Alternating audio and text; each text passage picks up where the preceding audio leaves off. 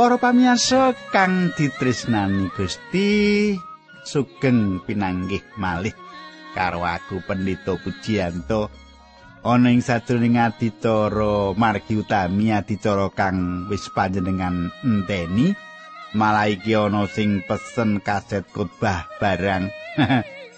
Supaya dikirimake sampun kersanipun Pak Puji ingkang penting khotbah panjenengan kemawon ora sandadak di dinapa niku dibangun piye-piye wis wonten napa wantene wonten Pak? Ngoten nggih nah matur nuwun nggih.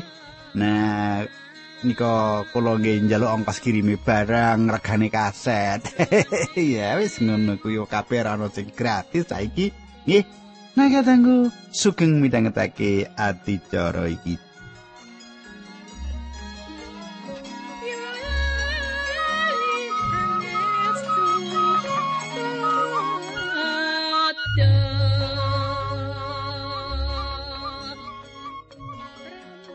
Kadangku aku takon karo panjenengan ya sadurunge tak teruske mengko nek ora tak takoni aku luput wong panjenengan jane ora kelingan apa sing tak khotbahake nalika patemon kita kepungkur kepiye nggih Pak wong gampel lali kula niku. Ya yo mangani ora mangan brutu gen ora lali. Nggih Nah, kadangku ing patemon kita kepungkur kita wis nyemak kepiye para rasul kapenuman dening Sang Roh Suci kanthi mengkono bisa ngetokake tetembungan kang maneka warna, basa lan logat wong-wong kang ana ing sakiwa tengeni. Saiki panjenengan ndak derekake nyemak sateruse nanging sadurunge diteruske kita ndedonga dhisik ning sadurunge ndedonga aku ngaturake salam dhisik mengkono ya. Salamku kanggo Ibu Wasiani. Tesun Ibu, wah, kula pernate dumugi uh, dusun panjenengan nggih. Wah, Karangsari. Wah, gitu. Ibu Wasiani nggih. Kula nate disuguhi panjenengan nggih. Ugi Ibu Sisem nggih, Ibu Sisem menika wonten ing sami kalian Ibu Wasiani. Nah, kadang ku ayo kita netung. Duh Kanjeng Rama ing swarga kawula ngaturaken gunging panuwun menawi wekdal menika kawula saged tetunggilan kalian sederek-sederek kawula ingkang setya tuhu midhangetaken adicara menika. Kawula badhe sinau kayektosan Sang Roh Suci mugi nuntuni kawula linambaran asmanipun Gusti Yesus Kristus. Kawula ndedonga haleluya amin.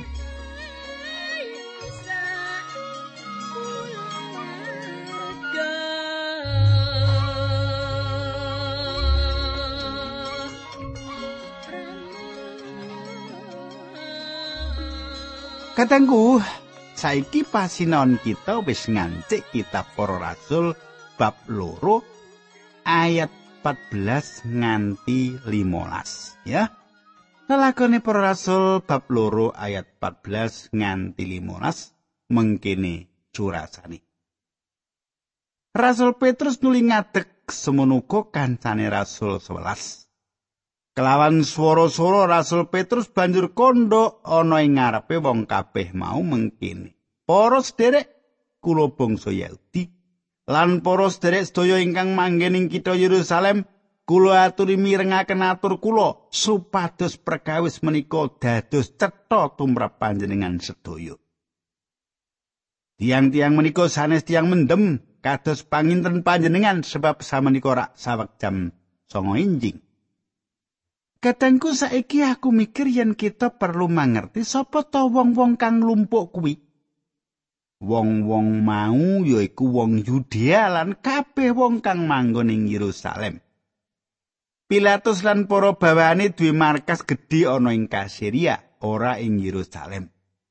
Jaman gereja kang kawitan iki anggotane saka wong Yahudi, wargane pesaman kuwi saka wong Israel. Kita perlu ngerti perkara kuwi. Gereja wiwit saka Yerusalem. Sebanjure pindah menyang Yudea, Amaria lan sebanjure tekaning pungkasane jagat. Petrus njawab pangice wong-wong kanthi kondo, iki dudu dumati awit mendem awit dinane sesuk. Wektu kang mengkono kuwi ora wae kanggo mendem-mendeman. Banjur Petrus metik kitab suci kanggo wong-wong mau. Coba panjenengan semak ayat 16 bab loro ya. Lelakoni para rasul. Nanging inggih menika ingkang kapangandikaken dening Gusti Allah lumantar Nabi Yoel. Kadangku Petrus nggunakake pameco iki minangka jawaban marang para wong kang ngece, wong kang ora percaya lan wong kang ngremehake. Petrus kondo inggih menika lire prakara iki memper karo utawa bab iki padha karo prakara iku. Petrus ora kondo iki sawijining pangganepan saka apa kang diucapake dening Nabi Yoel. Ayat pitulas, polulas, songolas, rong puluh, selikur saka para rasul loro mengkini surasani. Pangandikane Gusti Allah iki sing bakal ndak tindake ing dina wekasan aku bakal maringake rohku marang manungsa kabeh anakmu lanang lan wadon bakal padha nerangake kersane Gusti Allah para nom-nomanmu bakal padha tampa wahyu lan wong-wong tuamu bakal padha oleh himpen ing dina kuwi dalah para abdimu sing asor dhewe lanang lan wadon bakal ndak paringi rohku lan bakal padha nerangake kersaku Aku bakal nganakake mujizat-mujizat ana ing langit dhuwur lan perkara-perkara sing gumunake ana ing bumi ngisor. Ing kono bakal ana getih geni lan kukus kemelun. Srengenge bakal malih dadi peteng sarta rembulan bakal dadi abang kaya getih sadurunge tekan dinane pangeran sing agung lan luhur ing mangsa kuwi saben wong sing nyebut asmane pangeran bakal tampa pitulungan Kadangku aku rasa rujuk ing dina Pentakosta kuwi bulan dadi getih utawa srengenge dadi peteng. Nalika Sang Kristus disalib dumadi peteng nganti telung jam nanging ora ing dina Pentakosta. Uga ora dumadi mukjizat ing langit lan tondo kang gumunake ing bumi uga ora ana getih geni lan pego. Simon Petrus metik perangan iki marang wong-wong kang ngicing ngatonake marang wong-wong iku yen anggone Sang Roh Allah diesokake kudune dudu sawijining prakara kang aneh kanggone wong-wong mau. Yuel wis meto lan iku bakal dumadi. Yuel loro ayat 21 nganti 32. Durung diganepi nganti wektu iki. Menawa kita nyemak ing kitab Yuel, kita bakal nemokake Nabi Yuel nglantarake akeh perkara kang ana gegayutan karo dinane Gusti.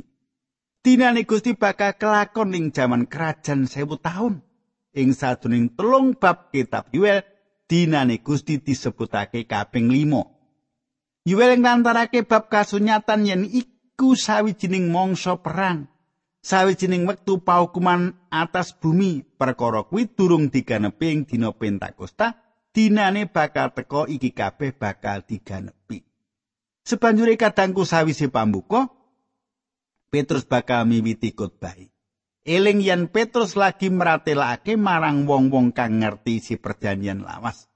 Iki sawijining cikal bakal gereja sebanjure Petrus wiwit nglantarake kegayutan perkara kang penting lan dasar Saiki ayat 23. Para sedherek kula Israel. Kula aturi mirengaken tembung kula menika.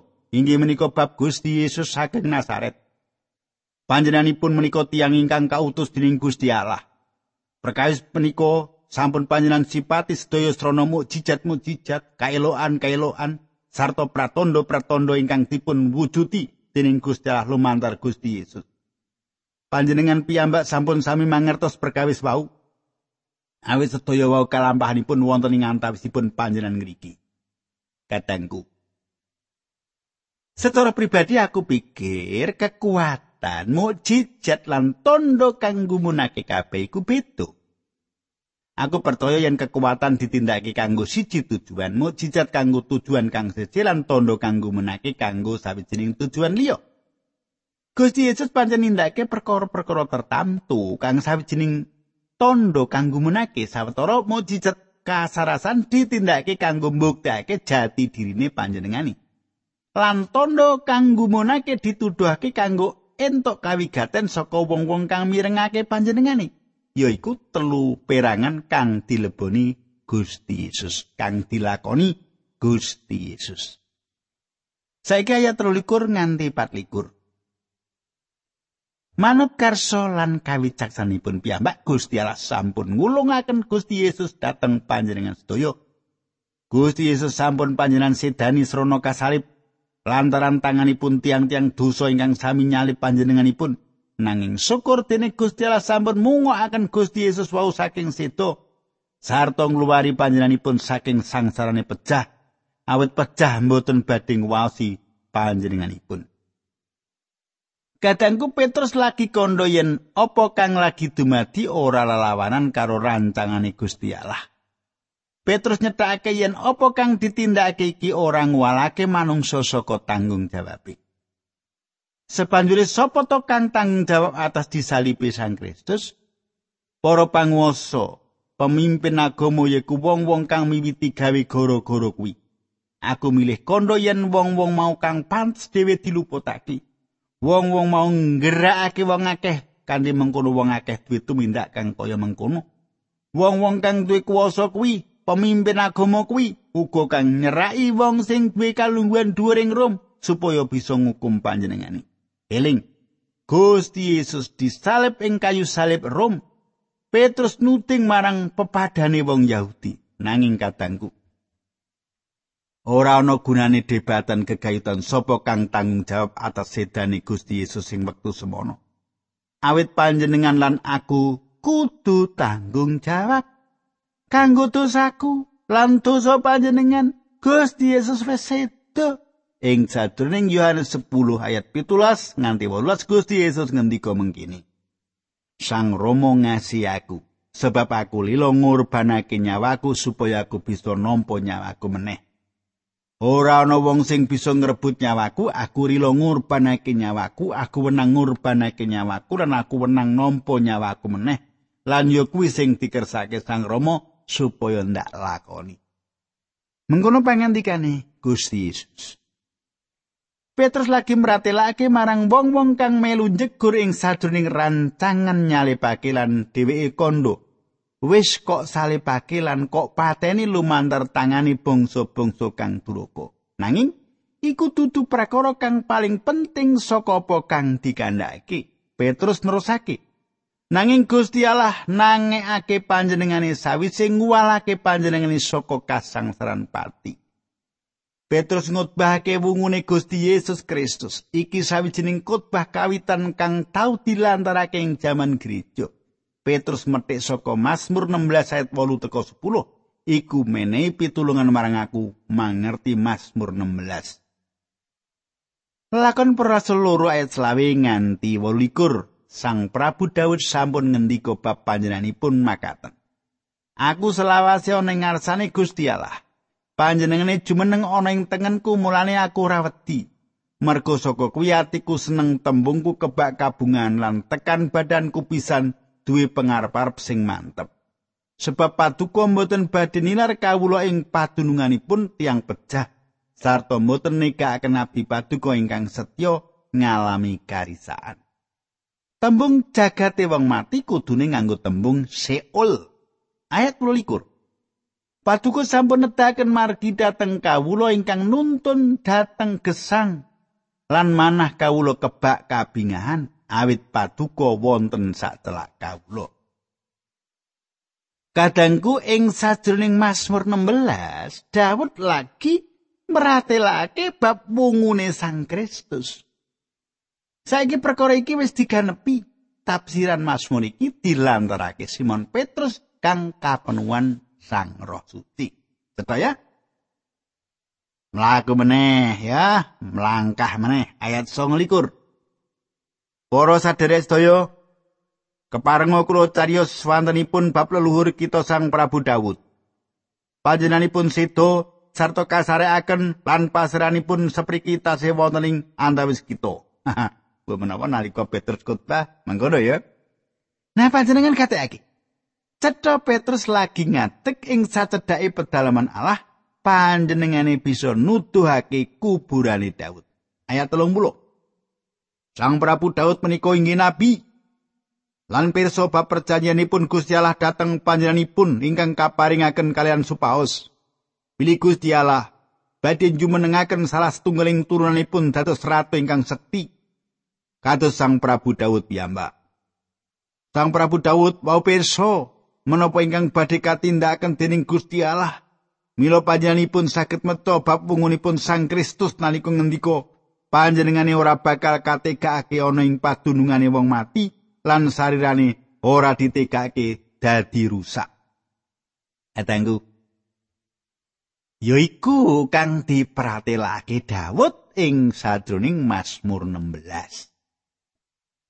Daud lagi meratelake bab bungune Gusti Yesus Kristus ing sadroning para rasul loro iki. Kita nemokake tafsiran Sang Roh Suci bab Mazmur iki. Saiki kita bisa bali lan maca Mazmur iki kanthi mangerteni yen Mazmur iki nuntun marang pangerten bungune Gusti Yesus.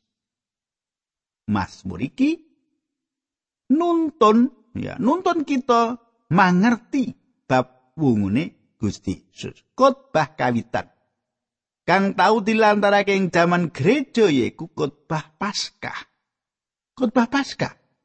Lan saben khotbah ing jaman gereja kang wiwitan yaiku khotbah Paskah. Saben dina khotbahe khotbah Paskah. Ya. Kira-kira nek gereja panjenengan dikutbahi Paskah terus ngono, kira-kira piye apa ana kebangunan rohani ing gereja panjenengan apa ora? ya. Saiki tak teruske ya. Para seluruh ayat 32 nganti 35. Inggih Gusti Yesus menika ingkang dipun bungokaken Gusti Allah saking situ. Dene kula sedaya menika sami dados seksinipun bab perkawis wau. Gusti Yesus samenika sampun mingkrat dhateng swarga sarta lenggah wonten ing tengenipun Gusti Allah. So sampun nampi roh suci saking Gusti Allah kados ingkang sampun dados janjinipun. Roh suci menika inggih sampun kaparingaken dhateng kula sedaya. Lan menapa ingkang sami panjenengan tingali lan panjenengan pireng menika mboten sanes pendamelanipun roh suci menika piyambak. Ayat 34 tekan 35. sebab Sang Prabu Daud piyambak mboten mekrat dhateng swarga.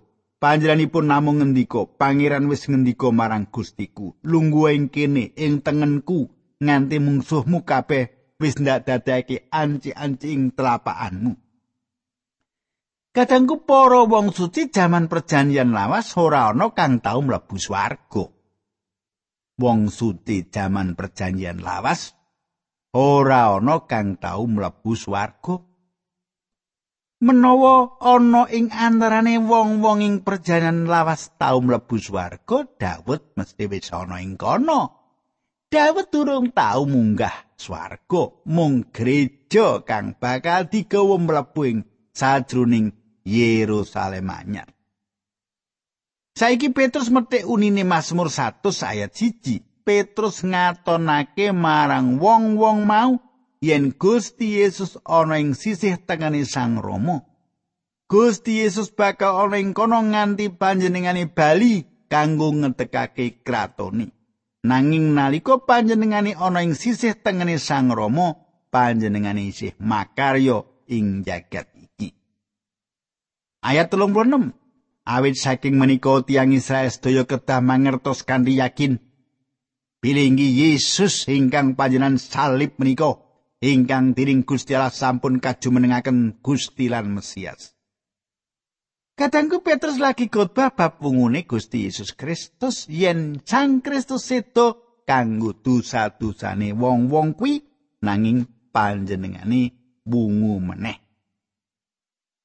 Ayat 37 bareng wong akeh krungu keterangan sing mengkono mau atine ternyo banget nuli padha matur marang Rasul Petrus lan para rasul liyane para sederek menawi mekaten menapa ingkang kedah kula lampahi.